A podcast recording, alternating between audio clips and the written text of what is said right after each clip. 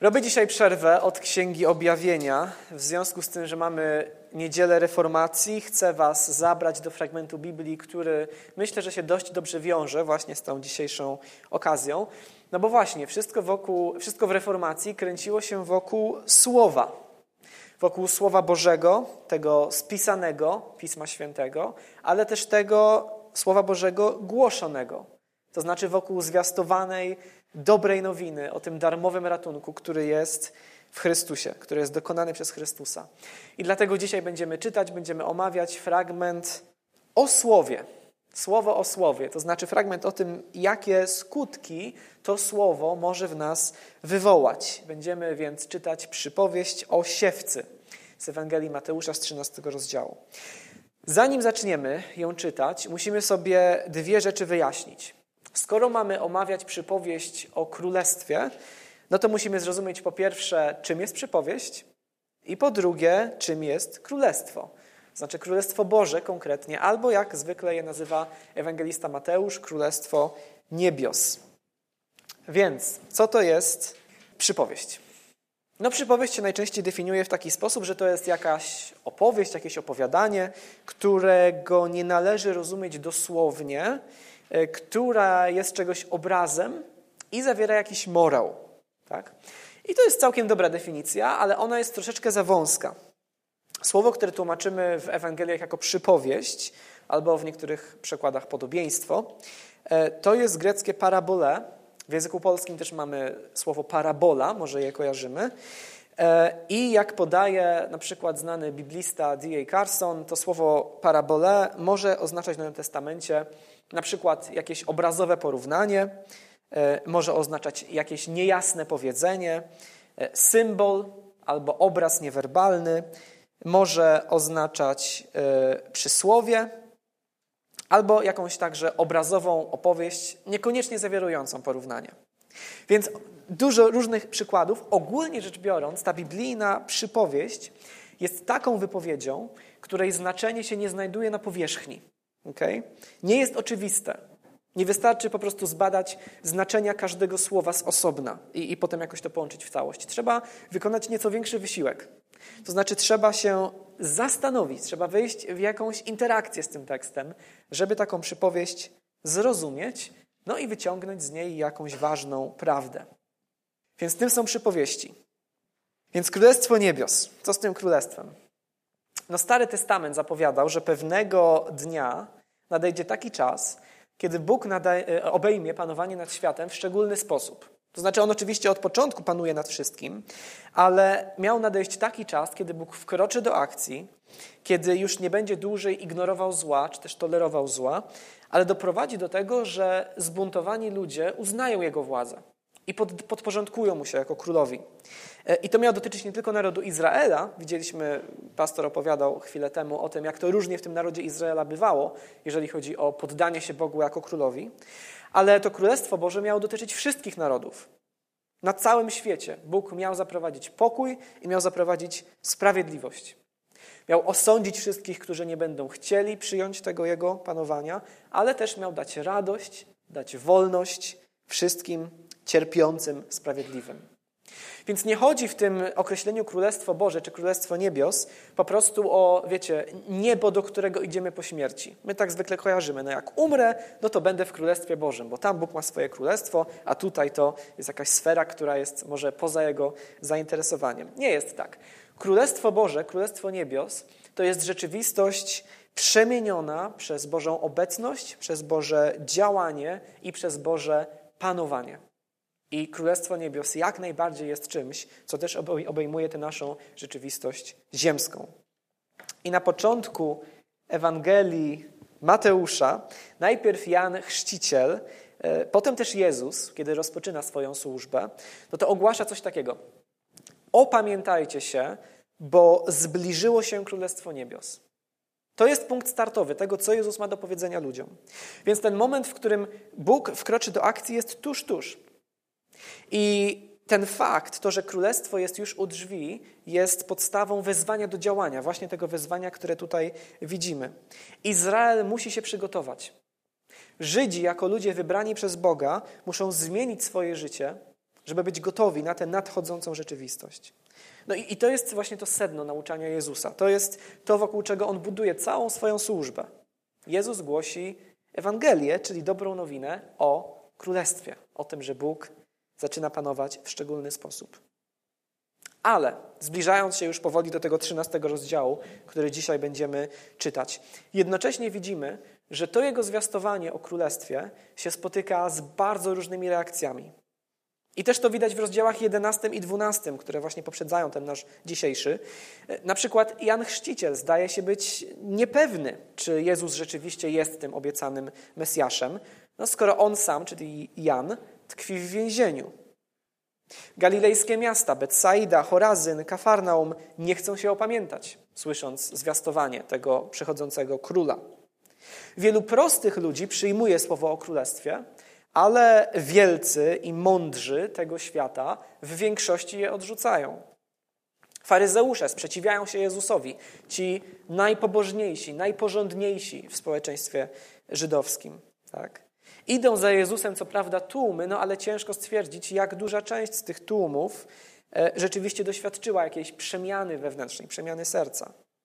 Niektórzy dochodzą do wniosku, że Jezus jest synem Dawida, jest Mesjaszem, ale inni twierdzą, że Jezus wypędza demony mocą Belzebuba.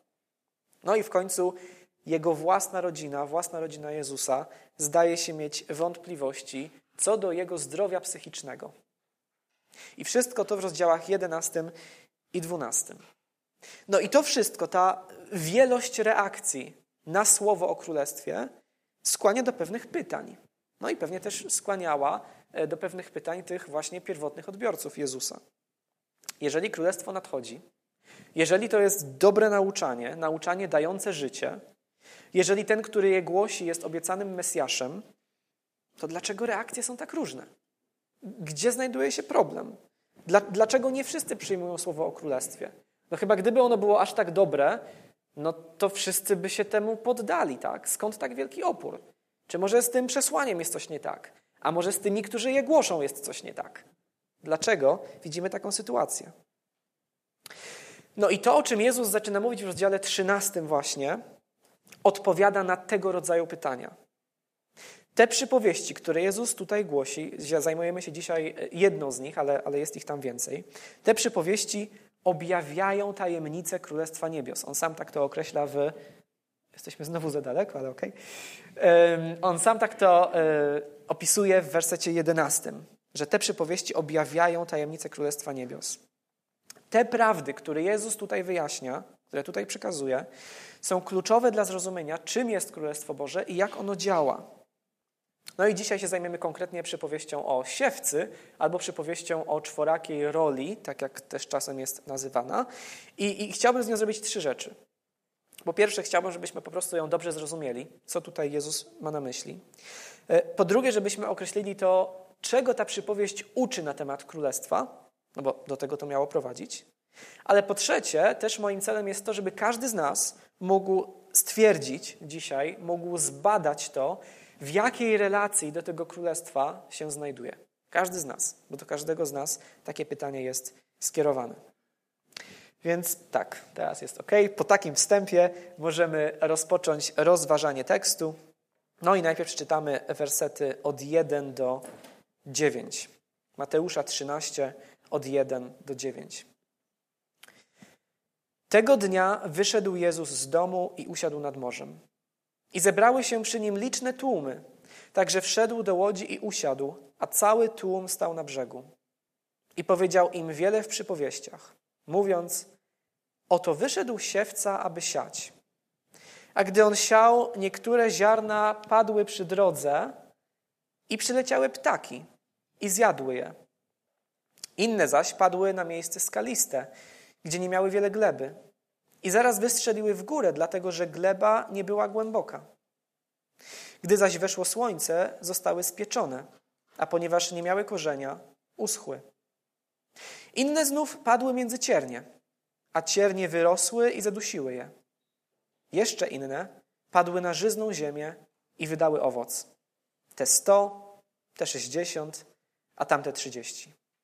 Kto ma uszy, niech słucha.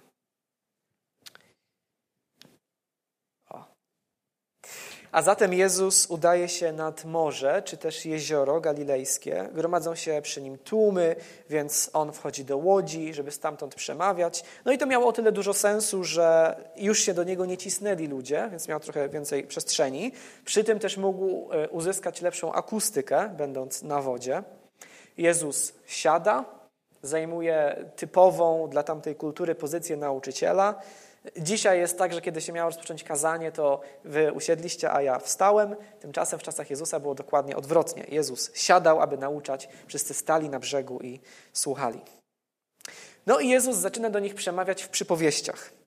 I te wszystkie przypowieści odwołują się do obrazów, które tamci ludzie dobrze znali. Tak? Przede wszystkim, właśnie tak jak w tej naszej historii dzisiaj, do uprawy roli.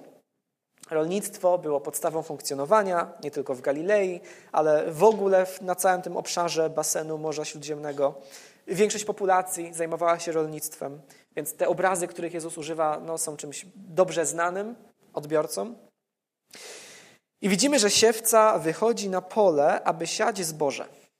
Ale okazuje się, że ziarno pada w bardzo różne miejsca. Część ziarna pada, tak jest, przy drodze.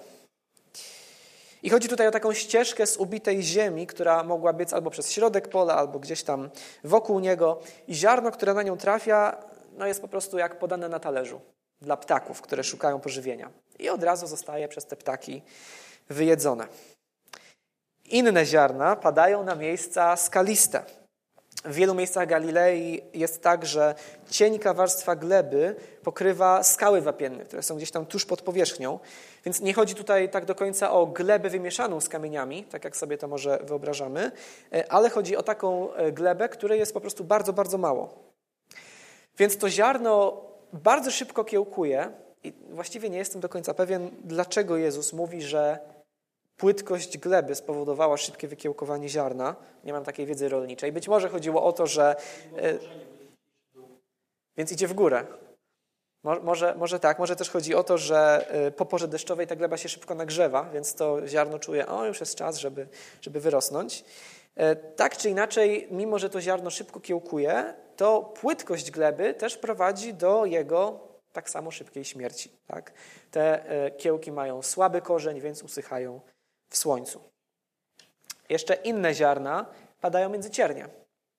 I tutaj problemem nie są ani ptaki, ani mała ilość gleby, ale jest to, że te cierniste chwasty zabierają ziarnu słońce, substancje odżywcze, więc mimo, że coś tam wykiełkowało, może jakiś czas się utrzymało, no to zostaje w końcu zaduszone przez konkurencję. No i w końcu część ziarna pada na glebę żyzną i wydaje plon albo inaczej tłumacząc owoc. Jedne stokrotny, inne sześćdziesięciokrotny, jeszcze inne trzydziestokrotny. I Jezus w tym miejscu kończy swoją przypowieść i mówi: Kto ma uszy, niech słucha. Albo, jak to ujmuje przekład literacki, kto ma uszy, niech rozważy moje słowa. No i w tym momencie do Jezusa podchodzą uczniowie i pytają go, dlaczego właściwie on naucza ludzi właśnie tak nie wprost, tylko w przypowieściach. I o tym mówią wersety 10 do 17. My je dzisiaj pominiemy, nie są w centrum naszego zainteresowania. Być może ci uczniowie e, byli po prostu z Jezusem razem w łodzi i tak go po cichu pytają w międzyczasie, o co chodzi. E, być może mieli okazję się dopytać dopiero później, ale Mateusz tak, wiecie, kompozycyjnie przesuwa ten dialog w to miejsce. E, tak czy inaczej, po tym jak tutaj w Ewangelii Jezus odpowiada uczniom na ich pytanie, no to zaczyna wyjaśniać im, właśnie nie wszystkim słuchaczom, ale tylko swoim uczniom, zaczyna wyjaśniać im znaczenie tej przypowieści o siewcy. I to się dzieje w wersetach 18 do 23. Tak jest. Wy zatem wysłuchajcie przypowieści o siewcy. Do każdego, kto słucha słowa o królestwie i nie rozumie, przychodzi zły i porywa to, co zostało zasiane w jego sercu. To jest zasiany przy drodze. Zasiany zaś na gruncie skalistym to ten, kto słucha słowa i zaraz z radością je przyjmuje, ale nie ma w sobie korzenia. Przeciwnie, wytrzymuje tylko chwilę. Gdy nastaje ucisk lub prześladowanie z powodu słowa, zaraz się zraża. Zasiany zaś między ciernie to ten, kto słucha słowa, ale troska tego wieku i oszustwo bogactwa zaduszają słowo i staje się bezowocne. A posiany na żyznej ziemi to ten, kto słucha słowa i rozumie je. Ten właśnie wydaje owoc i czyni. Ten 100, ten 60, a tamten 30. Więc okazuje się, że to ziarno tutaj y, obrazuje Słowo Boże. Słowo o Królestwie. I to słowo pada na bardzo różny grunt. Każdy rodzaj ziemi tutaj nam ukazuje inną kategorię ludzi, inny rodzaj reakcji, inną postawę w stosunku do głoszonego słowa, no i też inne związane z tym rezultaty. I tutaj jedna uwaga, zanim się przyjrzymy dokładnie temu wyjaśnieniu. Możecie zauważyć, że Jezus tutaj tłumaczy tę przypowieść w taki sposób, jakby ziarno raz oznaczało słowo, a raz oznaczało ludzi przyjmujących to słowo. Tak? To znaczy na przykład werset 19, zwróćcie uwagę. Do każdego, kto słucha słowa o królestwie i nie rozumie, przychodzi zły i, i co? I porywa to, co zostało zasiane w jego sercu. Aha, no, czyli to, co jest zasiane, to jest słowo, tak? Ale Jezus kończy. To jest zasiany przy drodze. No to czyli jednak ludzie są zasiani. Potem mamy werset 20. W wersecie 20 ziarno zasiane na gruncie skalistym obrazuje człowieka jakiegoś rodzaju. Ale potem znowu werset 22. Zasiany zaś między ciernie to ten, kto słucha słowa, ok, czyli zasiany człowiek między, ciernie, między ciernie, ale troska tego wieku i oszustwo bogactwa zaduszają słowo i staje się bezowocne. Więc znowu, ziarnem jest słowo. I co się tutaj dzieje? No mamy tutaj pewną płynność, tak? E, dzięki tej płynności widzimy, że przypowieść to nie jest alegoria. I to jest ważna różnica, bo w alegorii jest tak zwykle, że każdy element ma jakieś jedno konkretne znaczenie, tak? I to się składa na taki wielki alegoryczny obraz. E, tutaj to jest bardziej płynne. My może byśmy chcieli, żeby to wszystko tak się dało łatwo wytłumaczyć, jasno i wyraźnie rozpisać, co jest to, ziarno to jest to, gleba to jest to. Natomiast Jezusowi zdaje się bardziej zależy na przekazaniu przesłania niż na e, takiej, wiecie, bardzo dużej konsekwencji w szczegółach. Tak? Zresztą coś bardzo, dziwne, bardzo podobnego właśnie widzimy w liście do Kolosan. W liście do Kolosan e, nie będziemy całego tego fragmentu czytać, natomiast zobaczcie, że w jednym miejscu Paweł mówi o tym, że wśród chrześcijan w Kolosach Ewangelia wydaje owoc i rośnie. Więc Ewangelia jest jakimś ziarnem, które, które do czegoś prowadzi, ale za chwilę, na koniec tego fragmentu, apostoł Paweł modli się, aby to kolosanie wydawali owoc i wzrastali. Więc też tutaj mamy taką płynność obrazów, dokładnie to samo widzimy w tej przypowieści, natomiast przesłanie myślę, że jest dość jasne. Więc mamy cztery kategorie ludzi. Wszystkie cztery słuchają słowa. I to też warto zauważyć. Ta przypowieść nie jest o ludziach, którzy nie słyszą Ewangelii, którzy nie słyszą Bożego Słowa. Ta przypowieść jest o nas, tak jak tutaj dzisiaj siedzimy. Ta przypowieść jest o tym, co my tutaj dzisiaj robimy. Więc ludzie z pierwszej kategorii słuchają, ale nie rozumieją. I to niezrozumienie, to, to jest ważne, żeby na to zwrócić uwagę, to, to ich niezrozumienie, ono nie wynika z niewystarczających zdolności intelektualnych. Tak? To nie jest tak, że oni mają za małe IQ i nie potrafią zrozumieć tego, co się do nich mówi. W 11 rozdziale, w 25 wersecie, e, Jezus mówi, że Ojciec objawia Ewangelię niemowlętom. I to jest też takie nieco symboliczne czy metaforyczne sformułowanie. Chodzi o ludzi o dziecięcej prostocie, tak jak też przykład literacki to, to ujmuje. Więc takim ludziom ojciec objawia Ewangelię, a zakrywa ją przed mądrymi i roztropnymi, tak? Mówi ten rozdział jedenasty. Więc nie chodzi tutaj o inteligencję, nie chodzi tutaj o wiedzę. Raczej chodzi o chęć do zrozumienia lub niechęć do zrozumienia tego, co się słyszy. Cały ten fragment zresztą, ten fragment y, z rozdziału 13 wzywa tych, którzy słyszą, aby co? Aby posłuchali. To znaczy, aby rozważyli, aby wzięli sobie do serca. Więc ci, którzy są w tej pierwszej kategorii, którzy słyszą, ale nie rozumieją, są tymi, którzy nie chcą zrozumieć, nie chcą tego zrobić. No i dlatego Jezus mówi: zły, czyli szatan, porywa z ich serca to słowo, które zostało w nich zasiane. I może to jest dla nas dziwna myśl. My o szatanie być może nie za dużo myślimy w kontekście codziennego życia. Natomiast Biblia w wielu miejscach pokazuje, że człowiek, który słyszy Ewangelię, ale zamyka się na nią, jest zdany, wiecie, nie tylko na pragnienia swojego własnego serca, popsutego, ale także jest zdany na aktywne działanie szatana. Szatana, który zwodzi, który miesza, który zaślepia. I najbardziej wprost mówi o tym apostoł Paweł w drugim liście do Koryntian. Zobaczcie. On mówi, no część ludzi przyjmuje Ewangelię, część nie. E, dla części ludzi Ewangelia jest zakryta. Ale dlaczego? Mówi tak. Jeśli nawet nasza Ewangelia pozostaje zakryta, zakryta jest w tych, którzy giną, w których Bóg tego wieku, kim jest Bóg tego wieku? No to jest ten, który wywiera tak ogromny wpływ na ten obecny świat, czyli właśnie szatan. Bóg tego wieku zaślepił umysły niewierzących, aby jasno nie zobaczyli światła Ewangelii chwały Chrystusa, który jest obrazem Boga. Ale ostatecznie tacy ludzie są sami sobie winni, ponieważ tym pierwszym krokiem była ich niechęć do rozważenia, do otwarcia się, do zrozumienia Bożego Słowa. Następstwem tego jest to, że przychodzi szatan i on już wykonuje wtedy w człowieku swoją pracę. Ale następnie mamy drugą kategorię. Mamy tych, którzy są jak ziarno na skałach. Kiedy słuchają słowa, no to przyjmują je szybko, przyjmują je z radością, mają w sobie dużo entuzjazmu, ale ta ich wiara jest płytka. Ona się nie zakorzeniła w ich sercu, jest powierzchowna. Więc kiedy przychodzi ucisk, prześladowanie, jakaś zewnętrzna presja, pod wpływem której trzeba się zdecydować, zdeklarować, komu albo czemu jest się wiernym, no to tacy ludzie odchodzą od Chrystusa.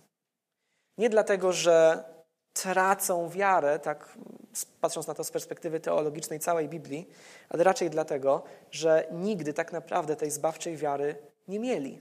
To, co mieli, było płytkie, było powierzchowne, nie dotknęło głębi ich serca.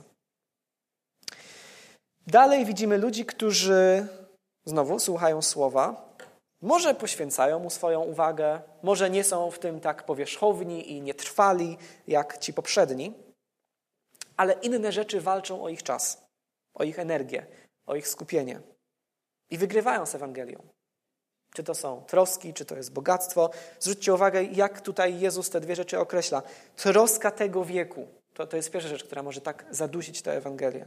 Troska tego wieku, dlatego że wszelkie nasze zmartwienia, jakie by nie były, wszystkie nasze troski dotyczą tego obecnego czasu. One nie są wieczne. One kiedyś przeminą. Ale Słowo jest wieczne. A jednak, mimo tego, że Słowo jest wieczne, to w wielu ludziach przegrywa walkę z tymi tymczasowymi troskami. Ale druga rzecz, która zadusza to słowo o królestwie, to jest, jak mówi Jezus, oszustwo bogactwa. Dlaczego oszustwo bogactwa? No dlatego, że bogactwo obiecuje prestiż, obiecuje wysoki status społeczny, obiecuje przyjemność, gwarancję bezpieczeństwa, szczęście. Ale bogactwo jest nietrwałe. Bogactwo można utracić na bardzo wiele sposobów. No i ostatecznie też bogactwa nie zabierzemy do grobu. Jego obietnice są krótkotrwałe. I dlatego Jezus mówi oszustwo bogactwa. Ale w końcu mamy tych, którzy są zobrazowani jako żyzna ziemia. Tacy ludzie słuchają słowa, rozumieją je, przyjmują, ono w nich pracuje, ono w nich wydaje owoc. Owoc różnej wielkości. Tak, Jezus mówi w jednych trzydziestokrotny, w drugich sześćdziesięciokrotny, w trzecich nawet stokrotny. Ale zwróćcie uwagę, co tutaj się dzieje z tym ziarnem rzucanym na różne strony. Co prawda nie jest wprost powiedziane, że wiecie, tylko jedna czwarta tego ziarna, które rzuca rolnik, pada na żyzną ziemię, a pozostałe trzy czwarte dokładnie padają gdzie indziej. No to byłby wyjątkowo nieumiejętny rolnik, gdyby tak robił, że trzy czwarte ziarna padają gdzieś tam poza pole. Raczej chodzi po prostu o cztery kategorie. Ale nawet gdyby tak było, nawet gdyby rzeczywiście tylko jedna czwarta ziarna padła na żyzną glebę i wydała owoc, to wciąż to ziarno, które owocuje, daje wielokrotnie większy plon niż ta ilość, która na początku została użyta. Jakby to nie tylko się zwraca to, że część ziarna wydała owoca, a większość nie. Jest tego o wiele, o wiele więcej. Więc to ziarno, które plon wydaje, przynosi wielki, wielki sukces. Więc co ta przypowieść mówi o królestwie? Wracając do tego punktu wyjścia, tak? Tego, że królestwo jest zgłoszone, jest tuż, tuż i ludzie różnie na nie reagują. No ta przypowieść nam pokazuje, że kiedy królestwo jest głoszone, to domaga się odpowiedzi. Domaga się reakcji ze strony człowieka. Ale trafia, no właśnie, ze strony ludzi na bardzo różne postawy. To ziarno ląduje na bardzo różnym gruncie. Nie zawsze wydaje plon, w wielu przypadkach pozostaje bezowocne. Ale uwaga, to nie jest wina ziarna i to nie jest wina siewcy. Z jednym i z drugim jest wszystko w porządku. Ale to, czy w Twoim życiu to ziarno Bożego Słowa, to królestwo się rozgości i wyda owoc przemienionego życia, to zależy od Twojej postawy w stosunku do tego słowa, które słyszysz. Tak było w czasach Jezusa, tak było też przez całą historię i tak jest również dzisiaj. Dzisiaj, kiedy On otrzymał już wszelką władzę na niebie i na ziemi, tak jak sam mówi później. Ewangelia o Królestwie zgłoszona na całym świecie, w każdym kraju pod słońcem, to dalej są aktualne prawdy, które opisują to, co się dzieje. W której ty jesteś kategorii z tych czterech? No zakładam, że większość z nas, jak tutaj jesteśmy, określa się jako chrześcijanie. Też chyba większość z nas przyjęła chrzest na wyznanie swojej wiary, więc mieliśmy ten moment, w którym zostało poświadczone, tak, ten człowiek przyjął Boże Słowo. Ale czy to automatycznie oznacza, że serca nas wszystkich są żyzną ziemią? Myślę, że nie. Nie mogę mieć takiej pewności. E, po pierwsze, dlatego, że no, przynależność do Kościoła, jakkolwiek ważna, ostatecznie nie gwarantuje nikomu zbawienia. To tak nie działa, że zapiszesz się do baptystów, to uf, już dobra, już mam ubezpieczenie, którego nikt mi nie odbierze.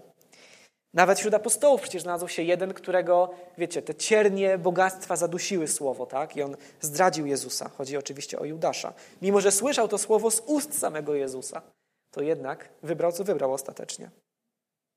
No ale też jest tak, że, że to, co Jezus tutaj opisuje, to myślę, że są takie pewne ogólne kategorie, tak? pewne typy postaw, no ale może być tak, że nasze życie, wiecie, częściowo charakteryzuje czwarta postawa, a częściowo któraś z tych trzech poprzednich. Więc pod pewnymi względami jestem żyzną glebą, ale pod innymi gdzieś tam te ciernie jednak coś zaduszają, albo gdzieś tam szatan coś z mojego serca zabiera, albo traktuję to powierzchownie. Więc jak to jest? z Twoim stosunkiem do Bożego Słowa. Wracamy do tej głównej myśli. To jest główna myśl dzisiejszego dnia. Fundamentalna. Jak jest z Twoim stosunkiem do Słowa Bożego?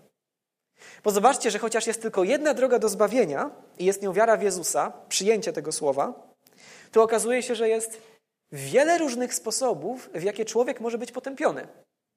Jedna droga do zbawienia, bardzo wiele dróg do potępienia. Więc na przykład niewiele ci da takie pocieszanie się, że nie no, to nie jest tak, że ja jestem zasiany na gruncie skalistym, ja to głębiej podchodzę do sprawy. Niewiele ci to da, jeżeli twoje życie jest pełne cierni, na przykład. Więc jak przyjmujesz słowo, kiedy je czytasz albo kiedy je słyszysz?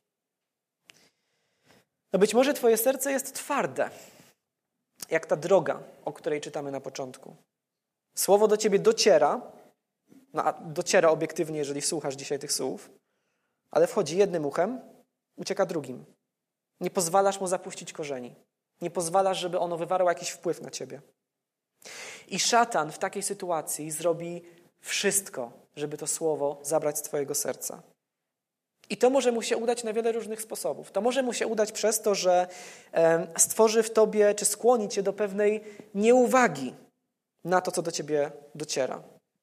Może przez skierowanie twojej uwagi na jakieś inne bodźce, które cię będą za każdym razem rozpraszać. No każdej niedzieli nie mogę się skupić. Za każdym razem, kiedy otwieram Biblię, moje myśli uciekają.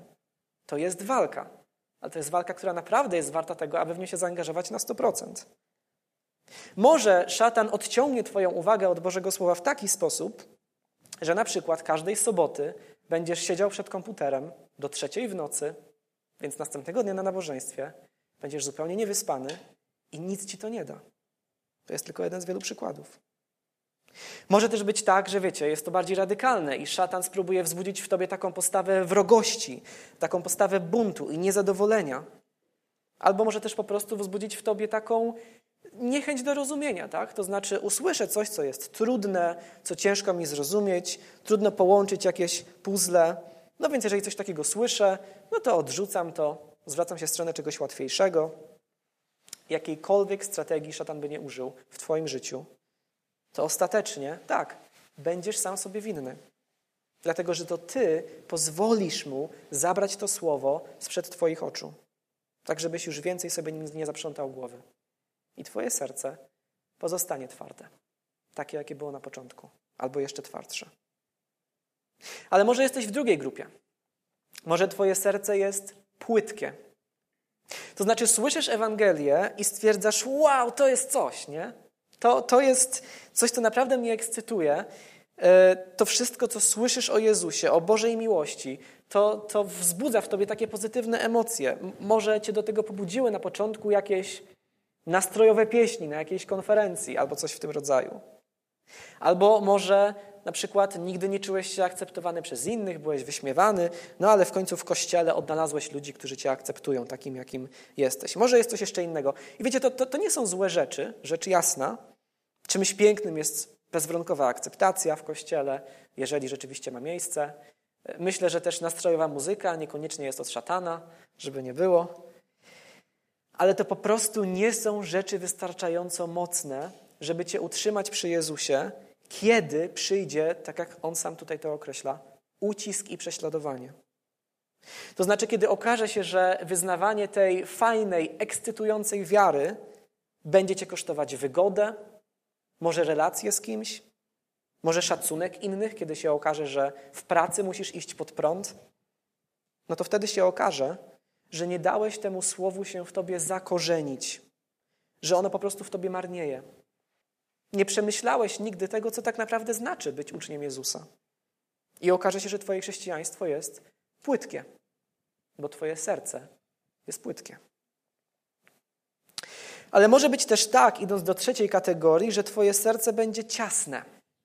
Już nie twarde i nie płytkie, ale ciasne. To znaczy pociąga cię ta Ewangelia, interesuje cię to, jaką drogą należy iść. To jest coś, co, co wzbudza w tobie jakieś, jakieś przemyślenia. Co należy zrobić, żeby osiągnąć życie wieczne? Tak jak wiecie, do Jezusa przyszedł ten bogaty młodzieniec i zadał mu takie pytanie. Ale jest tyle rzeczy, które próbują Twoją uwagę odciągnąć od tego. I dobrze o tym mówi, myślę, Marcin Luther, który w kazaniu z tej przypowieści, akurat z Ewangelii Łukasza, ale treść jest ta sama, Marcin Luther powiedział tak, w kontekście tej trzeciej grupy i tych ciasnych serc. Nie mówi on, to znaczy Jezus, o sprawach nieważnych. I nie ma tu miejsca na żarty, by można było sobie pomyśleć: O, podziałam jeszcze trochę, zatroszczę się o sprawy, którymi muszę się zajmować, wszakże jeszcze się Słowa Bożego nasłucham i będę wkrótce wierzył. Kiedy tylko uporam się z tym, co dla mnie konieczne, trochę sobie dóbr doczesnych uzbieram. Uważaj, abyś się nie pomylił. Kto wie, jak długo jeszcze żyć będziesz?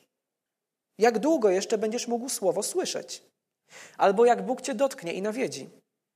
Możesz oszukiwać i zwodzić samego siebie, Chrystusa nie oszukasz, który cię szczerze napomina, mówiąc, kto ma uszy do słuchania, niechaj słucha. Nie chce on, abyś to na inny czas odkładał, jak to się zwykle robi. Teraz, mówi on, kiedy tego słuchasz, przyjmij to do siebie. Inaczej nie wyniknie z tego dla ciebie nic dobrego. Więc tyle trosk mamy, tyle potrzeb. Musisz się zająć tym i tamtym, rodziną, znajomymi, pracą, studiami. Trzeba rachunki zapłacić, trzeba się zapisać do lekarza. I nagle okazuje się, że po prostu już nie ma czasu że po prostu już nie masz czasu na to, aby pozwolić temu słowu, żeby cię przemieniło. Ja bym chciał chodzić na grupę domową. Ja bym chciał chodzić na nabożeństwa. Chciałbym czytać Biblię. Chciałbym się modlić. No ale jest tak wiele rzeczy do zrobienia. No i gdzieś tam może nie do końca to przyznajemy, ale do tego jest jeszcze tyle odcinków serialu, których nie zobaczyłem. Jeszcze jest tyle ciekawostek w internecie, których nie zobaczyłem. No po prostu nie mam czasu. Albo z drugiej strony bogactwo, tak jak Jezus tutaj mówi, te, te jego zwodnicze uroki, tak? ta iluzja bezpieczeństwa, kiedy mówię sobie, mam jeszcze czas, zajmę się tym później, przecież jestem bezpieczny, moje potrzeby na tym świecie są zaspokojone. No ale to wszystko przeminie. I to chyba powinno być dla nas dość oczywiste. Ale ta jedna podstawowa potrzeba, ta potrzeba zbawienia przez wiarę w Jezusa, pozostanie. I znów wiecie, żadna z tych rzeczy, które ja wymieniłem, ona nie jest zła sama w sobie, tak? Ani bogactwo nie jest koniecznie złe, ani seriale nie są koniecznie złe, ani tym bardziej chodzenie do lekarza czy opłacanie rachunków. Ale każda z tych rzeczy ma potencjał, jeżeli jej na to pozwolisz, to każda z tych rzeczy ma potencjał, żeby stać się takim cierniem w Twoim życiu. Takim cierniem, takim chwastem, który pcha się, ciśnie ze wszystkich stron, próbuje zadusić w Twoim życiu ten czas, w którym Boże Słowo wyda owoc, ponieważ w końcu się w nie wsłuchasz. I Twoje serce pozostanie ciasne. Naszym celem, oczywiście, naszym celem jako Kościoła, mam nadzieję, chciałbym, aby to był cel każdego z nas. Naszym celem jest żyzne serce. Nie twarde, nie płytkie, nie ciasne, żyzne. Takie serce, które to słowo chętnie przyjmuje, które znajduje czas na to, żeby się nad nim pochylić, które się nie, nie zadowala po prostu zdobywaniem wiedzy, że no ja tak, ja wiem, co w tej Biblii jest napisane, ja już te wszystkie fakty poznałem, ale takie serce, które pragnie właśnie przemiany, przemiany codzienności. I widzimy tutaj na koniec tej przypowieści, że to słowo zasiane w takim sercu może wydawać różny plon. W jednych będzie nieco mniejszy, w innych średni, w innych będzie olbrzymi, ale kluczowe jest to, żeby ten plon, ten owoc się pojawiał.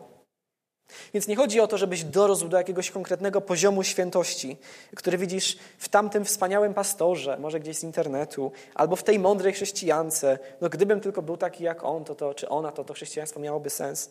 Nie musi tak być. Raczej chodzi o to, aby po prostu w Twoim życiu była widoczna przemiana na obraz Jezusa. Przemiana trwała i ciągła. Bo jeżeli Ty pozwolisz Mu zacząć tę przemianę w Tobie, to On będzie ją kontynuował i będziesz wzrastał. I nie musisz się zadręczać tym, że jeszcze nie jesteś na takim poziomie, jak ten czy tamten. Więc być może jesteś w stanie bez problemu siebie przypisać do którejś z tych czterech kategorii. Może tak ogólnie jesteś w czwartej, no ale w pewnych sferach życia, pod pewnymi względami, gdzieś jedna z tych trzech poprzednich też Ciebie opisuje. Ale tak czy inaczej, jeżeli sobie zadamy ostatnie pytanie w tym rozważaniu, pytanie o to, co jest drogą do uzyskania żyznego serca, co jest drogą do użyźniania go każdego dnia, to tą drogą do tego, aby mieć żyzne serce, jest wpatrywanie się w Chrystusa. W tego, który to słowo głosi nam dzisiaj. W tego Chrystusa, który przyszedł nie po prostu po to, żeby ustanowić królestwo dla tych, którzy byli wystarczająco dobrzy, bo nikt nie był. Niczyje serce ostatecznie nie było wystarczająco żyzne. Ale On uczynił to zapowiadane królestwo rzeczywistością przez to, że umarł w nasze miejsce. Król zabuntowników, po to, żeby zapewnić nam do tego królestwa dostęp. Więc ponieważ On się wyrzekł wszystkiego, dlatego właśnie otrzymał wszelką władzę. No i my wraz z Nim teraz możemy otrzymać wszystko.